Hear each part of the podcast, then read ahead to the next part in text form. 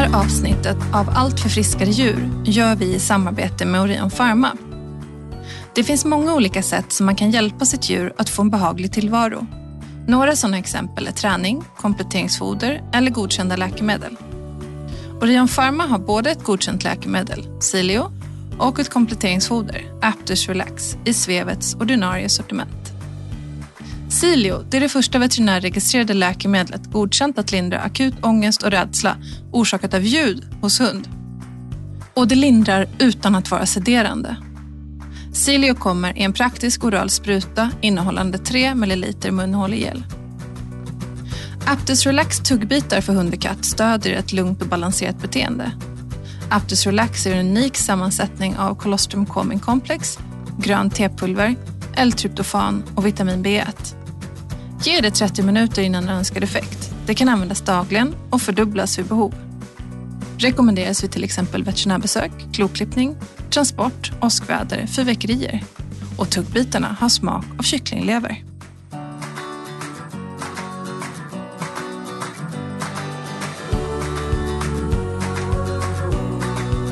Välkommen till Allt för friskare djur, en podcast från Svevet. Det här är podden för dig som jobbar inom djurens hälso och sjukvård. Eller för dig som bara är nyfiken på vår bransch. Vi strävar efter att varje avsnitt ska ge dig som lyssnar ny kunskap och inspiration. Jag heter Nathalie. Och jag heter Maria. Följ med oss när vi träffar spännande gäster från alla hörn och kanter av veterinärbranschen i Sverige. Tillsammans gör vi ju allt för friskare djur.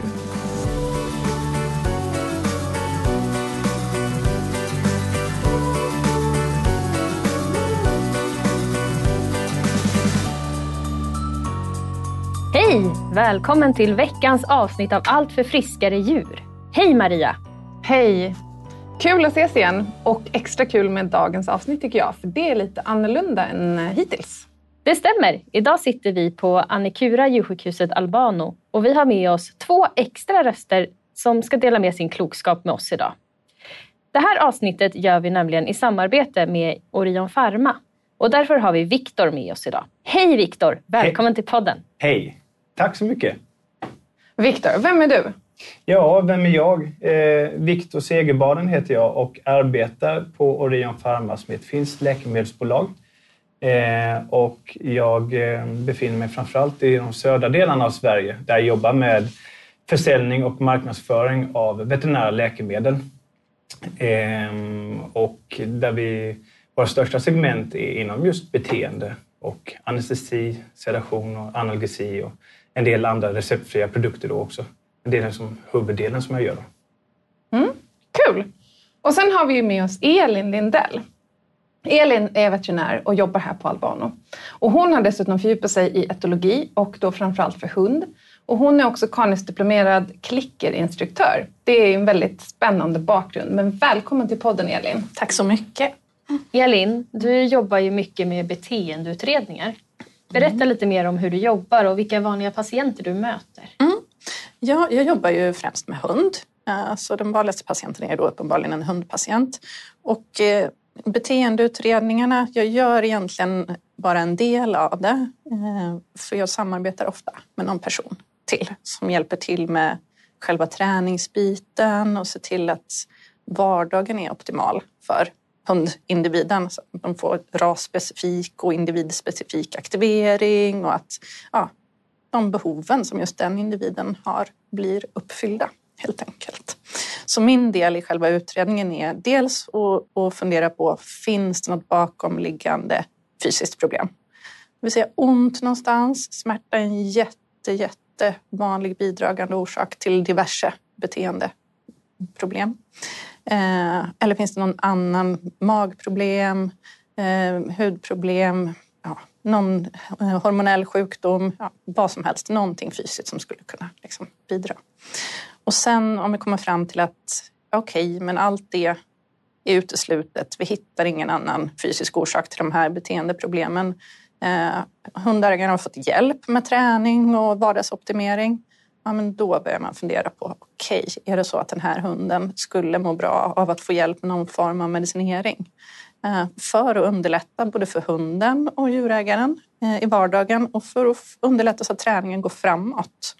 Och framför allt, vi kanske kommer komma in lite grann på ljudrädsla senare också, och framför allt för de ljudrädd, eh, ljudrädda individerna så är det ju faktiskt en ganska stor livskvalitetsfråga att kanske våga röra sig utomhus ja, under hela året. Och ibland är det bara möjligt med hjälp av medicinering. Mm. enkelt. Om inte folk ska flytta långt bort. Ja, precis. Mm.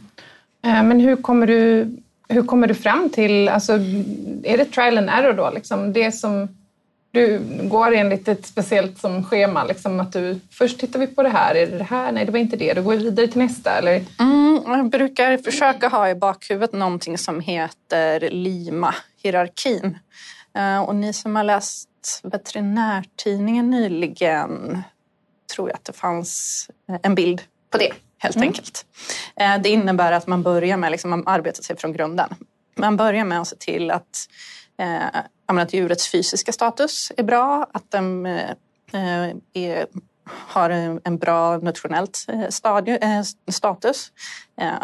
Eh, att den får alltså bra kost, att den har en optimal vardag lagom med motion berikning, ja, det här som jag sa innan, liksom rasanpassad eh, och individanpassad aktivering. Eh, och sen när man liksom är färdig med det grundblocket, då börjar man fundera på okej, okay, eh, hur ser det ut nu?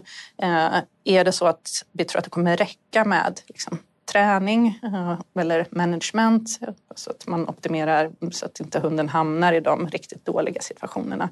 Eller behöver vi också gå in med någon form av läkemedel? Mm. Ibland kommer läkemedel in ganska tidigt. Framförallt oftast handlar det om de här hundarna med väldigt, väldigt starka rädslor. Mm. Och ibland så är det så att man jobbar ganska mycket med träning innan man liksom bestämmer sig att okej, okay, nej, det här funkar inte tillräckligt bra. Liksom. Eh, vi behöver ytterligare någon hjälp. Mm. Och då har jag lyxen att samarbeta med olika liksom, hundpsykologer och etologer och eh, beteendeutredare som som, liksom, som jag hänvisar till och sen om de känner att ja, men det funkar inte för den här individen, då får jag tillbaka dem. Okej, okay, mm. så du står för mer den medicinska mm. biten? Precis, jag mm. gör inte några träningsplaner utan Just det. jag ger som, vad ska man säga? Outsourca Korta, ja, mm. och så ger jag liksom basråd. Mm. Liksom, det, här, det här är bra att göra, det här kan ni börja med nu, det här behöver ni undvika. Handlar mycket om management, det vill säga undvik. Jag brukar säga undvik att öva på det som, som man inte ska bli bra på. Det vill säga att om du inte vill att hunden ska skälla på folk som går förbi utanför tomten, låt den inte vara lös på tomten och springa och skälla. Mm. För det kommer bli jättesvårt att träna liksom, de tre gånger i veckan du tränar på att den ska vara tyst. Om den resten av tiden springer och skäller på mm, tomten så har du liksom då kan du lägga träningen, alltså den träningstiden på någonting roligare för det kommer inte hjälpa. Mm. Jag känner igen mig nog lite träffad. Mm. Gå hem och tänka om. Göra ja, men det är jättelätt att man, det, är, det är jättelätt att vi tänker nu tränar vi och nu mm. tränar vi inte. Ja, det är inget konstigt med det. Men, men det är så himla häftigt för att det är någonting som man egentligen... Um, det är som att man får en aha-upplevelse ja. när man mm. läser om sånt här. Mm. Och man tänker att ja, allt man gör i interaktion med ett djur ja, är ju samma mm. sak. Det är inte så, vi tänker så här, ah, men vi har träning den här timmen och så gör vi något annat den här timmen eller mm. nu rider jag så då gör jag... Men för dem är det all interaktion träning eller inte träning. Eller ja, de, de gör ju inte skillnad på det. Nej, liksom. nej. Så det är häftigt faktiskt. Mm. Vi tänkte ju att vi skulle ägna dagens avsnitt åt hur man kan arbeta för att djuren som kommer till kliniken, oavsett mm. vilken anledning mm. Mm. det är att de kommer till kliniken, ska känna sig trygga. Mm. Och jag misstänker att du har lite så dos and don'ts som du kanske kan mm. dela med dig av till oss mm. om vi skulle köra lite på det viset. Mm. Yes. Nummer ett. Ja, vi tänker att vi börjar redan eh, innan djuret har kommit till kliniken. För ja, men vi pratade lite grann kort om det innan. Att det är lätt att man tänker okej, okay, men hur ska jag göra för att underlätta för hunden eller katten när den kommer till mig på kliniken? Mm. Men det är en väldigt lång väg liksom, innan de är antingen på undersökningsbordet eh, mm. eller innan, faktiskt, innan de kommer in till väntrummet. Och, så. och det kan hinna hända massa saker där som gör antingen att det blir lättare eh, för hunden eller katten och då också för oss att undersöka den och ta hand om den eller som gör att det blir väldigt mycket svårare. Eh, så det allra första är liksom att se till att förbereda så bra som möjligt. Om, om nu djurägaren har möjlighet till det, om det inte är ett akutfall. Eh, och då kan det handla om liksom sådana enkla saker som att ja men, en del djurägare är ju vansinnigt eh, rara och gulliga och ser till att hunden och katten är liksom nybadad, klorna är klippta. Eh, och det kan ju vara jättebra om man har en katt kattpatient som, som man vet att det finns risk att det rivs eller så. Men de allra flesta djur tycker inte att det är jätteroligt. Mm. Vilket innebär att om man klipper klorna eller duschar eh, hunden eller katten samma dag eller kanske till och med dagen innan så har en liten bit av tålamodet som den individen hade liksom, att hushålla med, det är borta. Mm. Man har en begränsad mängd tålamod, både människor och djur. Mm. ja, och vi vet att så här, kortisolnivåer och så, man är i en riktigt stressig händelse, då ligger det kvar i något till några dygn mm. efteråt. Mm. Mm. Så att om, om djurägaren vill ha hjälp och råd med hur de kan förbereda, prata med dem om så här, ja, men undvik stressiga grejer mm. eh, närmsta eh, dygnet innan. Och typiska stressiga grejer kan vara just det med att klippa klor? Ja, ja. eller gå till trimmet mm. dagen innan. Liksom. Mm. Sådana saker. Eh, och ja, eh, som sagt, för katten är det samma där. Att undvika liksom, typ kloklippning eller vänta, öronrensle, liksom, fixa och mm. greja. Mm. Massa, precis. Eh, dagen innan eller samma dag. Man behöver inte tänka att man ska på en utställning Nej. när man ska åka till veterinären Nej. faktiskt. Kanske. Jag brukar säga när, när mina hundpatienter kommer in och liksom är smutsiga för att de har varit kanske i skogen precis innan att jag blir glad. Liksom. Folk ursäktar sig. Åh men gud förlåt, hon är, hon mm. är så smutsig. Jag, bara, men jag blir glad av att se det här för då ser jag ju att din hund får vara ute och röra på sig. Liksom. Mm ha det bra. Mm. Kanske också bra att bli av med den där överskottsenergin. Mm, som precis, kan ha lagom, lagom aktiverad. Liksom. Mm. Nöjd mm. både eh, i kroppen och mm. i själen innan, innan mm. veterinärbesöket. Just det. Jag drar jättegärna en eh, liten historia om en patient som jag hade eh, som hade återkommande öronproblem. Eh, och den här hunden den tyckte från början att det var ganska jobbigt att bli tittad i öronen men jag och, ägaren hittade en strategi som funkade. Eh, hunden behövde inte sitta länge och vänta i väntrummet. Den fick gå in direkt på rummet. Den fick lite godis. Eh, vi stod på ett speciellt sätt och så tittade den i öronen. Det brukar gå jättebra. Uh, och så kom den på besök och vi gjorde liksom allting som vi brukade. Men hunden sa liksom bara poff och började skälla och göra någon form av utfall där på bordet. Och jag var inte beredd för nu hade det gått bra så många gånger mm. innan. Så den bara okej, okay, den får gå ner, fundera vad hände liksom. Ja, och så pratar vi igenom och så visar det sig efter en stund att ägaren bara ja, men han, var ju, han rullade sig någonting i morse och han var ju så himla smutsig. Så jag duschade honom ett par timmar mm. innan. Jag bara jaha, vad tycker han om det då? Mm. Han hatar det. Mm. Det går inte att säga säkert men förmodligen så var det liksom så här okej, okay, det, det, var det tålamodet som fanns. Ja. Den dagen gick åt åt duschen. Så när jag skulle titta i öronen då var det, liksom, då var det slut. Mm. Just det. Mm.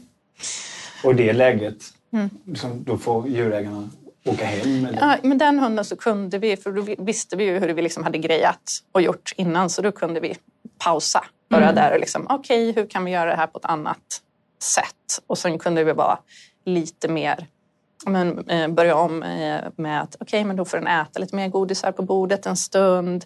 Den får titta på otoskopet. Mm. Jag kan ta den lite i örat. Den får en godis. Okej, okay, nu gick det att titta. Liksom. Mm. För då hade den fått just den, kände igen sig att okej, okay, det här hade vi gjort innan. Fått, mm. fått en lite längre förberedelsesträcka. Då gick det bra. Eh, men det är inte säkert att det går bra det kan vara för alla. Får, ja. Nej, vi tar en annan dag. Liksom. Ja, då får man liksom välja i det läget. Hopp, mm. Hur viktigt är det här? Mm. Måste jag göra det här? Mm. Hur kan vi göra det på minst dåligt sätt mm. om jag måste göra det? Eller måste vi inte? Och djurägaren är motiverad så kan man boka om. Ja, mm. Helt enkelt. Ja, men det är väl jättebra att man ska tänka på att vad man gör hemma innan man mm. åker till kliniken. Kliniken i sin tur då? Vad kan de göra för att anpassa miljön? Ja, men det börjar ju redan på telefon. Jag brukar tänka att liksom alla vi som jobbar med någon form av kontakt med djurägarna, eh, det är, alltså alla har superviktiga roller. För eh, om, om inte hunden eller katten är hyfsat liksom, välbalanserad när den kommer till kliniken, då spelar det inte så stor roll vad, vad jag gör på undersökningsrummet. För som sagt, då, då, då har vi redan problem. Så mm. om man sitter i telefon och pratar med djurägaren så är det ju superbt om man kan till exempel tipsa eh, kattägarna att ja, men ta gärna med en extra filt som kan ligga över buren. Har ni mm. hört talas om det här som heter Feliway? Mm. Eller ja, någon form av rogivande feromoner som man kan spraya innan. Jaha, brukar katten vara jätterädd för hundar? Ja, men då kanske den kan vara kvar i bilen när mm. ni kommer in och anmäler er. Mm. Uh, och sen att om man har liksom gett alla de här råden och frågat djurägarna så, att man verkligen, verkligen noterar det i journalen. För någonting som är eller som folk blir väldigt ledsna över är om de drar en jättelång historia över telefon och sen så kommer de till kliniken och så har det liksom ingenting har nått fram. Nej, kommer jag in på rummet och så gör jag precis det som de har bett att vi inte ska göra. Ja, just det.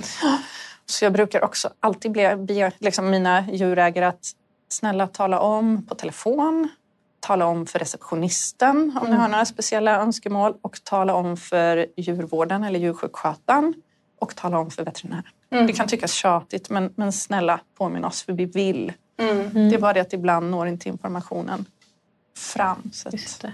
Liksom. Nej, det är klart det är viktigt mm. för att det ska bli så bra första ja, intryck som möjligt ja, också. Om ja, det är första gången. Ja, ja. Så att, och då har man kanske förväntat sig om de har gett jättemycket information på telefon. Mm.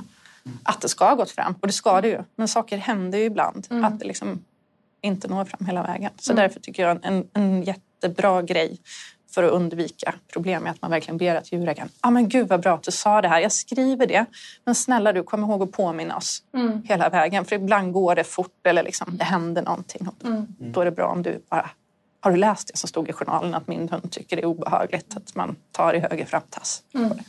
Ja. Just det. Mm. Och sen då när du har um förberett, eller den mm. Personen i telefon du har förberett eh, mm. djurägaren och gett de här råden och mm. så. Um, så kommer de mm. till kliniken. Mm. En del blir sådär redan vid dörren. Um, i väntrummet, vad kan man göra här? Mycket gissar jag. där finns det jättemycket som man kan hjälpa djurägaren med att liksom styra mm. upp för att minska risken för att hunden eller katten är helt uppvarvad mm. när han kommer in på rummet. Och det kan vara sånt enkelt som ja, men har man en hund som sitter och, och gnyr och ylar fråga djurägaren Åh, men skulle ni vilja komma in på ett rum mm. eh, istället så, ja, eh, så blir det lite lugnare mm. eh, för er hund. Liksom, så slipper den sitta och stressa både sig själv och de andra. Eh, går det liksom att bygga upp väntrummet så att inte hundarna eller katterna sitter mitt emot varandra och stirrar på varandra? Och det gäller både att det är en hundhund som sitter och stirrar på varandra eller en katt som katt som sitter och stirrar. Eller också faktiskt att inte folk sitter alldeles för nära och till exempel tittar rakt in i en kattbur. Eller Nej, just det. Så är det till stor nytta. Och kan man inte liksom bygga om eller ha liksom vikväggar eller skärmar eller sånt så kan man ofta liksom bara ändra lite grann på vinklarna på stolarna eller inte sätta en växt eller någonting så det blir lite så här siktbarriär. Mm. Mm. För ibland kan man, ja, så att de slipper sitta och låsa på varandra. Mm. Framförallt ja, framförallt kanske hundarna märks det mest på, men, men även katterna. Har man en liten hund så kan man be liksom att ägaren typ placerar en väska, om de har en liten handväska eller något sånt framför hunden så att den inte behöver se om den har någon annan mm. stor hund eller en handduk över ett armstöd eller någonting sånt. Mm, kan gömma sig ja, ja, precis. Mm. För att de är ganska oskyddade liksom. Mm. De sitter där. Uh, ja. Och sen har vi ju vågen i väntrummet ja, också. Vilket man kan tycka att det borde inte vara så svårt att få upp en hund på en våg. Då har men de ibland, inte provat nej, tänkte jag säga. men ibland känner jag att det liksom typ hela, allt det tålamod som jag hade behövt för undersökning av hunden, det går åt för att få upp hunden mm. på vågen. För att du behöver göra det ute i det här lite Ja, liksom, men det kan bli liksom tjafsigt. Eh, och ibland, alltså de hundarna som är tränade att hoppa upp och ner på saker, typ så dogparkour och så, de brukar bara ha en ny sten eller mm. det här är en cool presenning. Det är inga problem. Men de hundarna som inte är vana eh, kan tycka att vi uppför oss väldigt konstigt mm. runt vågen. För mm. som människa är man, liksom, eller de flesta av oss verkar väldigt fokuserade på att vi själva inte får gå mm. på vågen. eh, och ofta kanske hunden har kommit lite efter och så vänder sig ägaren om och börjar nästan liksom hala in den här hunden. Kanske böjer sig lite framåt och liksom försöker dra den med lite så här man har lite konstigt kroppsspråk själv då för att man ska ju själv inte stå på bågen och så ska man ändå få upp hunden på bågen. Mm. Så om man tittar på så kan man nästan förstå varför mm. hunden inte är jättesugen på att gå upp för den där ytan för den ser ju helt klart farlig ut mm. liksom, om man tittar på hur mm. ägarens kroppsspråk mm. är. Eh, ganska ofta så går det mycket, mycket bättre om man liksom hjälper djurägaren så att hunden är vid sidan eh, ungefär liksom jämsides med ägaren, inte långt bakom så man behöver släpa den utan typ mm. skuldra mot skuldra. Och sen att eh, hundägaren har kroppen riktad åt det hållet som man vill att hunden ska gå. Istället för att liksom ställa sig mitt emot eller på sniskan och dra. Mm. Eh, och sen att man liksom, ja ah, men nu går vi. Och så upp på vågen sätter hunden och kanske ger en godisbit. Det är inte alltid det går så enkelt men ibland är det så himla enkelt. Mm. Att man bara man själv visar tydligt med sitt kroppsspråk att okej, okay, mm. åt det här hållet är vi på väg. Mm. Och någonstans också visa att det här är ingenting som är konstigt eller märkvärdigt. Nej, jag, Nej, jag brukar säga till folk det också att men du får stå på vågen själv också, eller du kan liksom gå över vågen. Det är mm. okej. Okay. Mm. Den bränns inte. Nej. Och jag behöver inte titta. Nej, precis. Det kan ju vara så, men om man bara går över så brukar man inte hinna se. Nej, Sen är det klart att om vågen är placerad liksom in i ett hörn så blir, kan det bli svårare. Mm. Men ett tips kan ju vara då att sätta typ en godisskål på väggen mm. inne där hörnet ovanför bågen. För ofta blir vårt kroppsspråk, alltså människornas kroppsspråk, blir lite mer riktat mot att ha en godis. Så vänder vi oss upp, vilket gör att hunden också har lättare. Liksom. En godisskål till människor alltså, inte nej, till hunden? Nej, till hunden. Bra fråga. nej, till hunden. Ja, ja. Annars hade jag vänt mig. Tittar jag Men det hade ju varit en jättebra grej. Att ja. ha lite så här godisskål. på något Små. Ja, det var inte dåligt. så kan du locka mig i alla fall. uh, och sen, ja, så som sagt, går det att placera bågen så att det är lätt att komma upp på den så mm. är det superbra. Uh, nu vet jag inte om vi har så längre, men innan så hade vi en ganska dålig grej vid vår våg på nedervåningen. Och det är att en glasvägg mm. på sidan av vågen och så är det entrén, alltså hundar och folk som går ut och in ah. på andra sidan. Och det kan ju bli ja, jättesvårt liksom, om de ska stå och väga sig precis vid en glasvägg och så kanske de tycker att det är lite äckligt. Och i värsta fall kommer en hund liksom, som kanske gör ett utfall mot den hunden som står på vågen genom glassnören. Mm. Så att, ja, sådana mm. grejer. Mm. Så vad är den optimala placeringen då? Någonstans där det är lätt att gå på. Ja. Liksom. Alltså, så att man har vad ska man säga, en, en rak yta eller en rak vägg. Alltså, det är klart det allra bästa hade varit att ha det som en hästbåg liksom, ja. infällt i golvet. Men om jag har förstått det rätt så kostar det ganska mycket. Så ja. det är inte så många ställen som har det. Men annars liksom, längs med en ganska vad ska man säga, lång vägg eller någonting. Så att det är lätt att man kan ta sats och liksom gå på mm. och gå av så att man inte liksom bromsar in och hamnar i ett hörn. Och sen såklart att det inte sitter någon annan precis på en stol med en annan hund precis vid vågen. För att då blir det också mm. Det. väldigt svårt för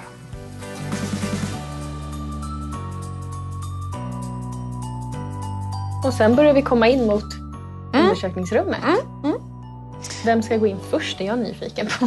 Ja. Det har varit en snackis där jag jobbar förut. Hund eller kattägaren, liksom de eller... Ja, eller, eller veterinären mm. eller den som har tagit emot dem. Jag vet inte om det finns något helt liksom, hundraprocentigt säkert svar som gäller Nej. för alla individer där. Jag tycker att det är väldigt olika. Eh, ofta för katterna så kan det ofta vara skönt att få vara en liten stund på rummet innan vi kommer in. Men å andra sidan om man själv är på rummet när katten kommer in och man har tid så att katten kan gå ut och titta runt lite grann medan man själv pratar mm. Eh, med ägaren. Så jag vet inte om det är någon jättestor skillnad liksom den korta tiden som det ändå blir annars för katten att undersöka själv. Mm. Det är säkert olika från individ till individ. Sen beror det också på om, om katten eller hunden redan är så vansinnigt stressad att det liksom den kommer aldrig gå ner i stress oavsett hur länge. Då får den bo där i två månader liksom, på mm. kliniken. Då är det kanske bara så här, okej, okay, men då ska de inte behöva sitta och vänta. Då är prio att minska Just. tiden på mm. kliniken. Mm. Så det beror lite på vad man har för förutsättningar. Mm. Jag tänker annars på um, det här med liksom lukter och sånt, mm. dofter. Mm. Kan man göra någonting där för att mm. liksom förbättra omständigheterna? Ja, absolut. Dels igen de här, liksom, om man tänker på dofter i alla fall, de här eh, rogivande stressdämpade feromonerna som finns för både hund och katt. Mm. Eh, dels ha sådana i vägguttag eh, och sen så, jag brukar göra så att varje morgon Och varje lunch, för de håller ungefär fyra timmar de här sprayarna, så sprayar jag halva mig med den för hund och halva det för katt. Mm. Mm. Uh, man ska bara se upp lite för har man astma och så så kan de ju reta ganska mm. mycket. Så att man sprayar neråt mm. på sig själv, inte upp mot ansiktet. Det är väldigt mm. obehagligt. Uh, och sen att ha de här uh, alltså en mjuk filt eller någonting sånt som man också kan ha sprayat i förväg med uh, sådana här feromoner. Sen det som är med framförallt katten är extremt duktiga på att liksom sätta ska man säga, varningsspår genom om de har varit stressade mm. eh, och så sen går omkring i rummet på olika ytor och sånt så förvarnar de ju nästa katt som kommer in mm. där att mm. okej, okay, här har vi problem. Mm. Så det allra mest optimala är att kattägaren dels har en filt liksom inne i buren och sen att de har en ovanpå buren som katten inte har liksom gått omkring på. För många katter blir ganska stressade av bilresan. Så att om jag tar ut den filten som katten har eh, åkt med i bilen och så och lägger den på undersökningsbordet eller kanske har den någon annanstans så får jag ju de här eh, doftämnena mm. på min inredning till mm. nästa katt. Ah. Och de, absolut, det går ju liksom att få bort men det är svårt att få bort. Ja, och komma ihåg exakt vad man har rört allting. Ja, så hellre i så fall att man liksom använder, för det är jättetrevligt att man kan använda djurägarsfilt för den luktar mer hemma. Mm. Men den filten som har legat över buren, i mm. så fall att det är mm. den man lägger på bordet. Mm. Så att, då har man mindre risk att få liksom de här Gud vilket så sofistikerat signalsystem ja, de har. verkligen. Där ligger vi efter. Eh, och sen är det liksom, dofterna hos oss är ju inte optimala med alkohol och liksom så. Och inom ja, Fearfree, den här utbildningen som jag har gått för att lära mig mer om att minska oro, stress hos hundar och katter, amerikansk utbildning, så eh, börjar man mer och mer gå ifrån att använda till exempel alkohol och liksom sådana saker även inför blodprovstagningar. Mm. Det börjar komma lite studier på liksom, att ja, det gör inte alltid jättestor skillnad för mm. liksom, infektionsrisken. Lägger du en kanyl, absolut, men då behöver mm. du verkligen tvätta och skrubba. Men bara för ett blodprov så är det nog lite mer tveksamt. Speciellt om vi bara tvättar och sen sticker, för det behöver ju torka en rejäl stund innan det liksom Ja, det. Mm. Så det ska bli intressant att se vad som händer med det mm. i Sverige så småningom också. Mm. Eh, jag vet inte om det egentligen finns tillräckligt mycket undersökningar på det ännu för att vi ska kunna lita på det helt. Men, men det är ändå intressant utveckling. Mm. Ja, verkligen. Ja. Det följer vi med spänning. Man börjar titta på olika rengöringsmedel också som inte ska vara så stressiga dofter liksom för hundarna och katterna. Hur stor skillnad gör det om man har separata väntrum? Det gör förmodligen jättestor skillnad. Mm. Ja. Så det är ju, kan man ha det är det optimalt. Mm. Vi har ju lyxigt här. Att vi har, jag fick lära mig idag att vi har 14 väntrum. Mm. 14? Oj. 14! Det är inget som är jättestort men det är ändå liksom, man kan ofta portionera ut så att det inte behöver sitta så många Aha. i varje. Ja, vi har ju egna liksom, kattväntrum. Mm. Kattrum. Det brukar göra stor skillnad. Mm, mm, mm.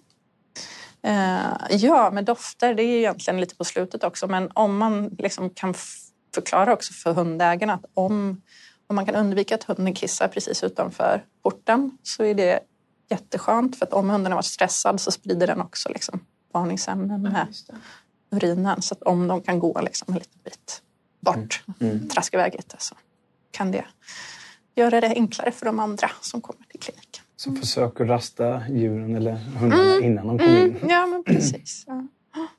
När de fortfarande är glada. Nej. Mm. Skicka glada signaler. Vad heter det? Du nämnde den här Fear Free-utbildningen. Mm.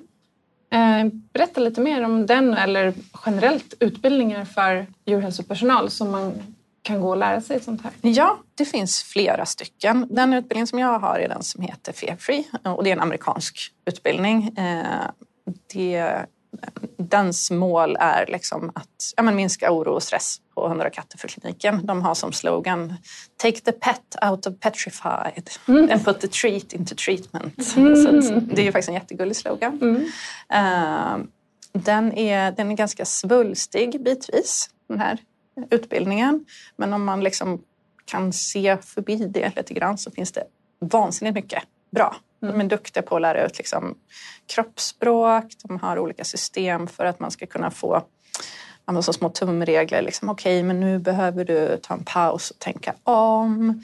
Eh, man har olika typer av drug charts så att man kan få hjälp med vad kan man använda för medicinering för hundar och katter som är oroliga inför veterinärbesök. Vad kan man göra under besöket? Liksom. Mm. Sådana ja, saker. Och de har både för liksom, djurhälsopersonal, det finns för trim och frisörer.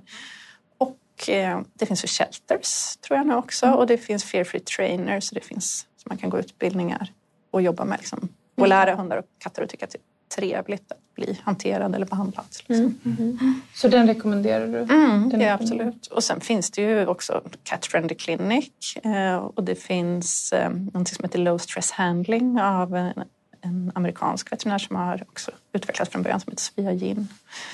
Eh, det finns säkert massor med mer som jag inte kommer på just nu också. Mm. Mm. Är det någonting som du tycker att alla, eller nästan alla på en klinik ska liksom gå någon grundutbildning i? Eller är det någonting som det räcker med att några stycken har? Nej, det är klart att det är optimalt om man ska kunna liksom, vad ska man säga, utnyttja möjligheterna mm. med den här utbildningen så mycket som möjligt så är det bäst om, om all personal har kunskap inom det. Liksom, mm alla kedjan, inte bara veterinärerna eller inte bara djurvårdarna, inte mm. bara receptionisten. För, liksom för varje ked, liten bit i kedjan som, som vi kan göra så bra som möjligt så, så kommer liksom slutresultatet bli ännu mm. bättre. Och det är väl det som är så bra med den här utbildningen också. Det, mm. det är inte bara vissa nej, på... Nej. Det är liksom, vad heter det? Eh, ja, vissa som får göra det. Det är inte bara veterinärer, det är inte bara utan det är liksom vem som helst på, mm. på kliniken som ja, precis, Det är för teamet eller liksom mm. för de som jobbar ja. ihop. Ja, det är väl jättebra. Ja. Så det rekommenderar jag alla mm. att göra. Mm. Om vi hoppar tillbaka till när vi har djuret på kliniken ja. och har tagit in dem på rummet, tänker jag. Mm. Mm. Eh, hur behandlar vi de patienterna ja. som visar rädsla när de är där inne på rummet? För det är ju ändå så att det ja. behöver vi göra på något vis. Mm. Ja, eh, och det första jag eh, tänker att man behöver fundera på när man kommer in på ett rum då är att titta på hundens eller kattens kroppsspråk. Om det går så är det bäst om hunden eller katten kan komma fram till en själv istället för att man liksom kastar sig över dem. Och det kan verkligen vara, alltså, jag brukar tänka så här, jag har verkligen den här kunskapen och när det kommer in en liten gullig valp ibland så man tänker sig inte för. Liksom, mm. och så ser man den där stackars valpen liksom, ser ut som att den duckar. Liksom, och man bara, men gud, förlåt. Ja. så att man försöker få djuret att komma fram till en själv. Ge det lite tid eh, om man kan. Liksom. Prata med djurägaren under tiden. Eh, Många, eh, framförallt hundar, kan tycka att det är lite sådär att man liksom går fram och böjer sig ner och eh, sträcker fram handen. Eh, är de lite osäkra så att man ser att hunden kanske inte tar kontakt med en, den hukar lite, lutar sig kanske lite bortåt. Man kan få de här klassiska, att de slickar sig ganska mycket runt munnen, smackar lite grann. De kanske flackar med blicken så att man ser vitögat på dem och så. Om man kan försöka närma sig, när man ska närma sig hunden, att man inte går liksom in rak linje rakt på utan man försöker närma sig lite mer med sidan mm. av kroppen liksom, mot henne så kan det vara till hjälp. Mm. Eh, jag brukar också be att djurägaren kanske får lyfta upp dem på bordet eller liksom fråga vart, liksom, vart tror du din hund eller katt är mest bekväm? Om man har möjlighet att undersöka på golvet så mm. kan det vara bra men det går ju inte för alla. Liksom. Ibland har man ont i något knä eller ja, ryggen eller så. Mm. Det måste ju funka också. Jag tycker också att eh, det är lätt när djurägaren sätter upp hunden eller katten på bordet att de liksom sätter alltid med ansiktet mot mig.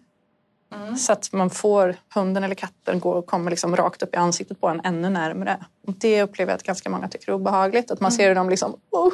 Mm. Eh, men om, så ofta brukar jag be hundägaren att man kan sätta upp den på, på bordet men den kan få stå med huvudet hos dig mm. till att börja med. Mm. För då kan de ofta liksom gömma sig lite med huvudet kanske mm. under armen eller någonting sånt. Ofta går det bättre att undersöka dem då än att man direkt liksom dyker på ansiktet. Mm. Mm. Eh, och sen så brukar jag fundera på, liksom, fråga ägaren, okej, okay, finns det någonstans som din hund eller katt tycker att det är jätteobehagligt att jag tar på den? Ja, just det. Och en del bara, ah, men den är livrädd för att man lyfter svansen för att den har haft jättemycket problem med en avsäckande. Okej, bra. Ja, men då gör jag det absolut sist om jag nu måste göra det. Då kanske mm. vi inte tempar den här individen det första vi gör. För då igen har vi slagit och tagit tempen på den.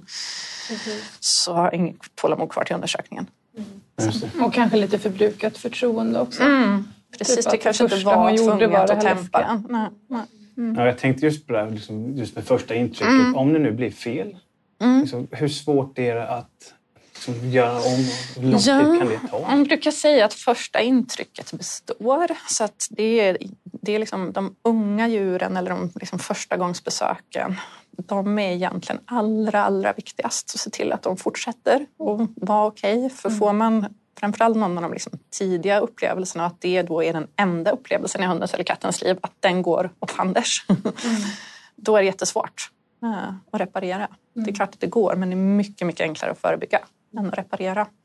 Så jag brukar säga godis till alla valpar och kattungar. Och ibland hör jag att djurägaren eller att någon av oss kollegor säger bara nej men den tycker att det är så trevligt att vara här, den behöver inte få någon godis. Man bara, den behöver få godis. Om den äter godis och vill ha godis och, och, eh, och vi kan ge den godis idag för att den inte ska sövas, ge hunden eller katten godis. För allting vi kan göra för att liksom höja den braiga känslan av att vara hos veterinären, allt det vill vi bygga på. Så att, och vi vet ju om, om ett djur får en riktigt traumatisk upplevelse då blir det en så kraftig adrenalinutsöndring och det leder till vad man kallar för en minneskonsolidering, det vill säga det sparas i långtidsminnet. Just det. Så att de kommer komma Och det är ihåg, mycket svårare liksom. att radera rädsleintryck också. Mm, jätte, jättesvårt. Men jag tänkte på det, för att, som exempel, jag har jobbat med hästar i många år innan och träffat sådana hästar som är så extremt spruträdda. Och då har det ju varit, alltså, och det här vill jag urskulda mig och säga att det här var innan jag läste alla de här härliga kurserna och böckerna. Men, nej, men då, då hette det liksom att nej, men man kan inte sticka den hästen. Så att det enda chansen vi har att ge den här vaccinationen det är att veterinären gömmer sig bakom ett hörn och liksom flyger på hästen när den går förbi. Och så hugger den den direkt. Och, sen liksom, och när man tänker på det så är det, alltså, det är ju någonting man gör därför att man upplever att det är det absolut enda som funkar. Men det löser ju inget problem, varken för häst, veterinär eller ägare. Och förr eller senare så är det ju dömt att hända någonting jäkligt farligt eller läskigt. För att inte säga att hästens intryck av veterinären aldrig kommer bli speciellt bra. Men när man har ett djur som är så otroligt vansinnigt rädd, v- liksom vart börjar man ens? Ja. Eller måste vi hålla på hoppa fram bakom ett Ja, hörn i men en resten av jättebra livet? fråga. Alltså, första frågan är egentligen så här, varför är djuret här idag? Är det akut? Håller det på att dö? det kan jag tänka för mig själv. Och så bara, okej, men det håller på att dö. Ja, men då måste vi göra det som vi måste. Liksom. Nu kan inte jag hålla på och liksom greja med mina feromoner och rekommendera träningsplaner och liksom så, utan den blöder. Liksom. Vi måste göra något. Ja, då gör man det man måste. Eh, och så gör man det liksom så smidigt som man kan. Det vill säga, och med det menar jag att man måste liksom blåhålla en hund eller katt och verkligen slåss med den. Att man ser till att man har en plan innan. Typ, Vem gör vad? Vilka grejer behöver vi? Så att man inte först typ får på den munkorg, sen brottar ner den och så ligger hunden där och har panik.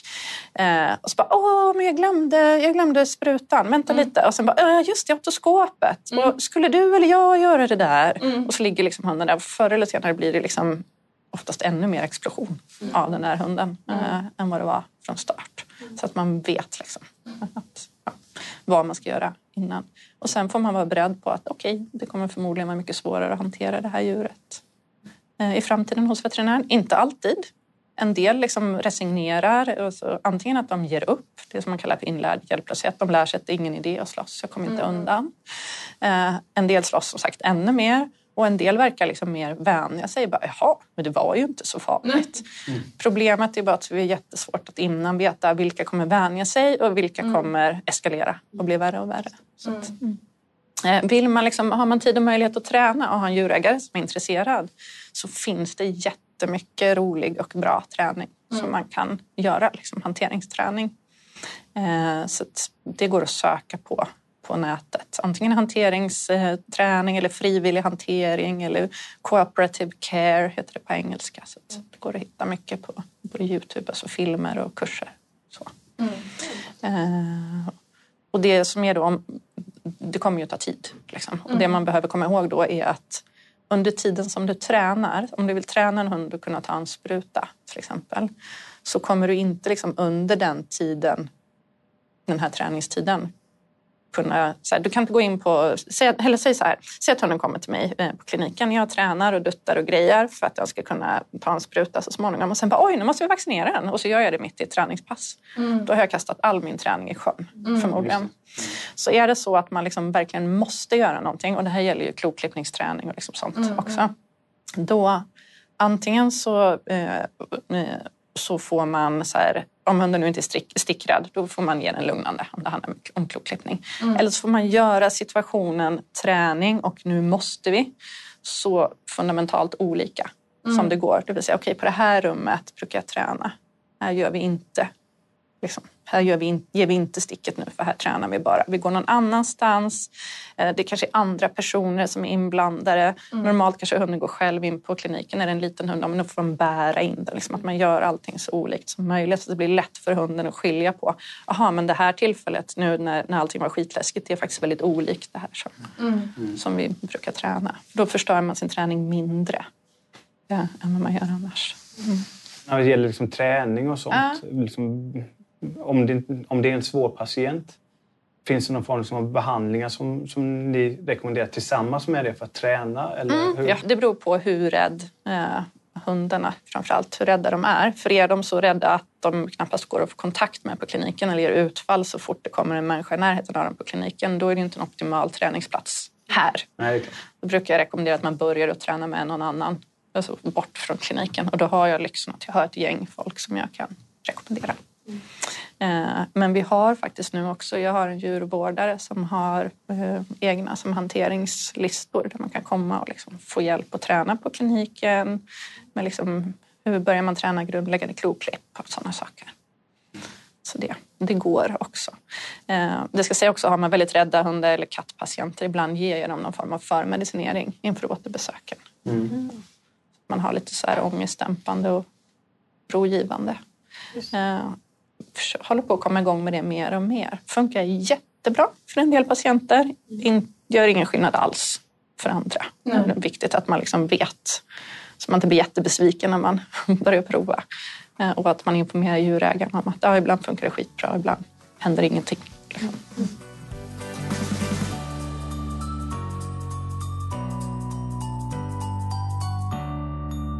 Finns det någonting som du tänker att dina kollegor här ute i mm. Sverige skulle behöva bli bättre på när det kommer till just det här med beteendet hos patienterna?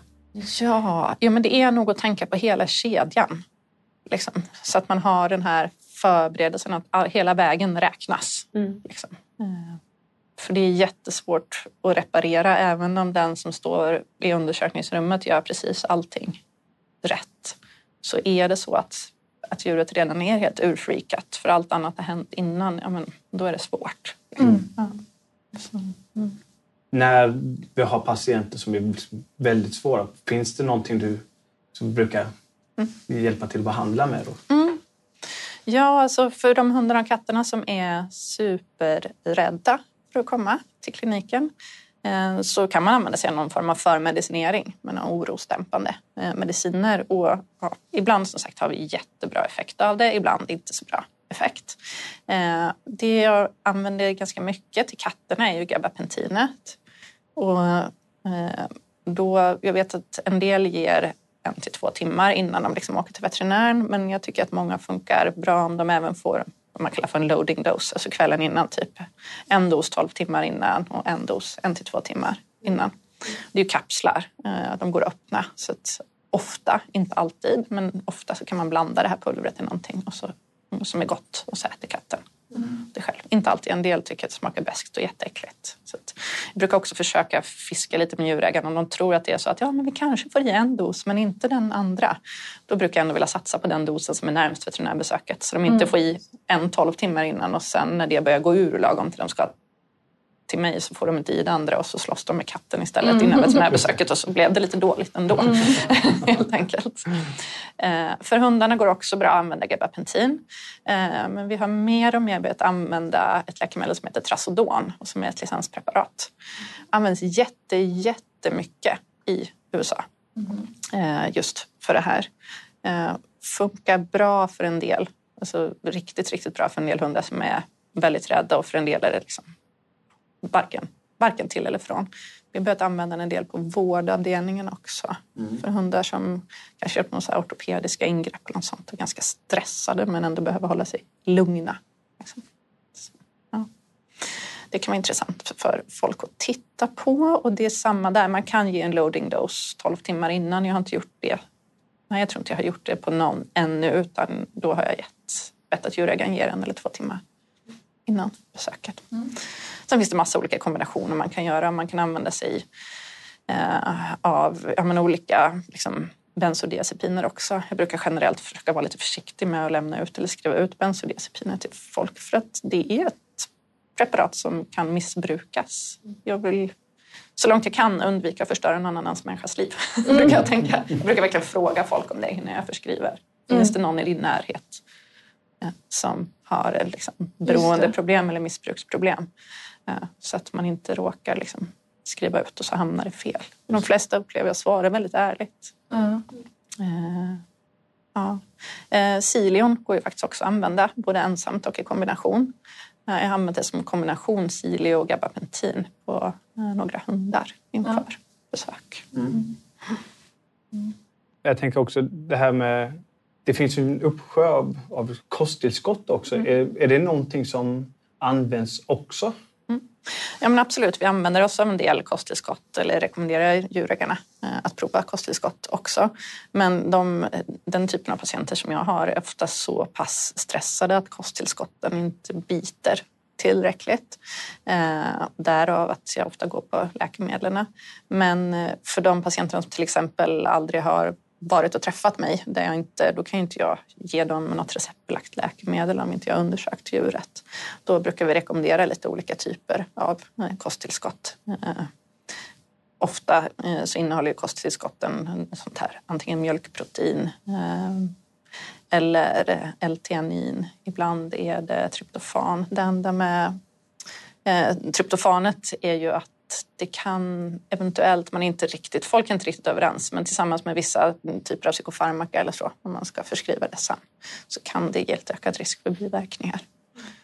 Att, ja. Lika viktigt att hålla koll på vad mm. de har ätit i ja. form av kosttillskott mm. som läkemedel. Mm. Jättebra. Och innan våra gäster får lämna oss för dagen så brukar vi alltid fråga om det finns någon speciell gäst som man vill att eller skulle önska att vi tog med i podden eller något speciellt ämne som vi skulle prata om? Finns det något sånt som du mm. funderat på? Ja, alltså nutrition och dess påverkan på beteende hade ju varit mm. jätteintressant. Man kan hitta, för mm. det är någonting som det pratas väldigt mycket om. Men mm. ja, vet inte jättemycket Nej. om det än. Då kanske vi får se till att fler får lära sig om det. Mm. Ja, men precis. Det är inte omöjligt. Mm. Har du någon Viktor som du, när vi ändå har dig på tråden också? Ska jag väl lämna ett ganska diplomatiskt svar och säga att så länge man fortsätter med det här konceptet eh, det tycker jag är det viktigaste. Så mm. att man får nya områden hela tiden. Absolut. Det är det som är det, det spännande med, med det här konceptet tycker jag. Ja. Du säger alla gäster vi kommer att ha, vill ja. du höra? Just det. Det låter jättebra. Väldigt ja, diplomatiskt. Mycket. Ja. Och hur kommer man i kontakt med er om man skulle vilja det? Vi börjar med dig Elin, om det är någon mm. som har någon fråga ja, men Det är via mina arbetsplatser. Mm. Eh, och jag jobbar ju dels här i, eh, i Danderyd i Stockholm eh, på Albano, Annikura Albano. Och sen är jag en dag i veckan i Södertälje på Animalen som mm. det heter där. Jag har ju ett litet eget företag också men jag har ingen liksom, direkt kontaktväg dit utan man får höra av sig liksom, via arbetsplatserna i så fall. För det, jag föreläser och så mm. via egna företaget. Mm. Mm. Och Viktor, hur kommer man i kontakt med dig? Ja, antingen så går man in på vår hemsida på orionvet.se och då kan man försöka klicka in sig till kontakter och då finns vi där. Eller så kan man nå mig på min eh, mejladress om det är någon som har frågor där. Eh, nu har jag en väldigt enkel mejladress, viktor med orionfarma.com. Mm. Den lägger vi på minnet. Ja. Toppen! Och om ni skulle vilja komma i kontakt med oss, då är det lättast via vår mejladress. Då är det podcast.svevet.se. Just det, och eh, vi finns i sociala medier såklart. Instagram, Facebook, LinkedIn. Eh, leta upp oss där. Svevet heter vi kort och gott. Eh, säg hej eller lämna en kommentar om podden kan man göra även där. Man kan också ge recensioner och prenumerera i podcastappen. Tack snälla för att vi har fått prata med er. Tack Elin, tack Viktor. Tack så mycket. Tack till er som har lyssnat också. Vi hörs igen i nästa avsnitt Det som gör faktiskt vi. blir vårt sista. Precis, sista för säsongen blir det nästa gång. Så eh, en vecka till får ni lyssna på oss. Jajamän. Tack så mycket. Ha det så bra. Hej då! Hej då.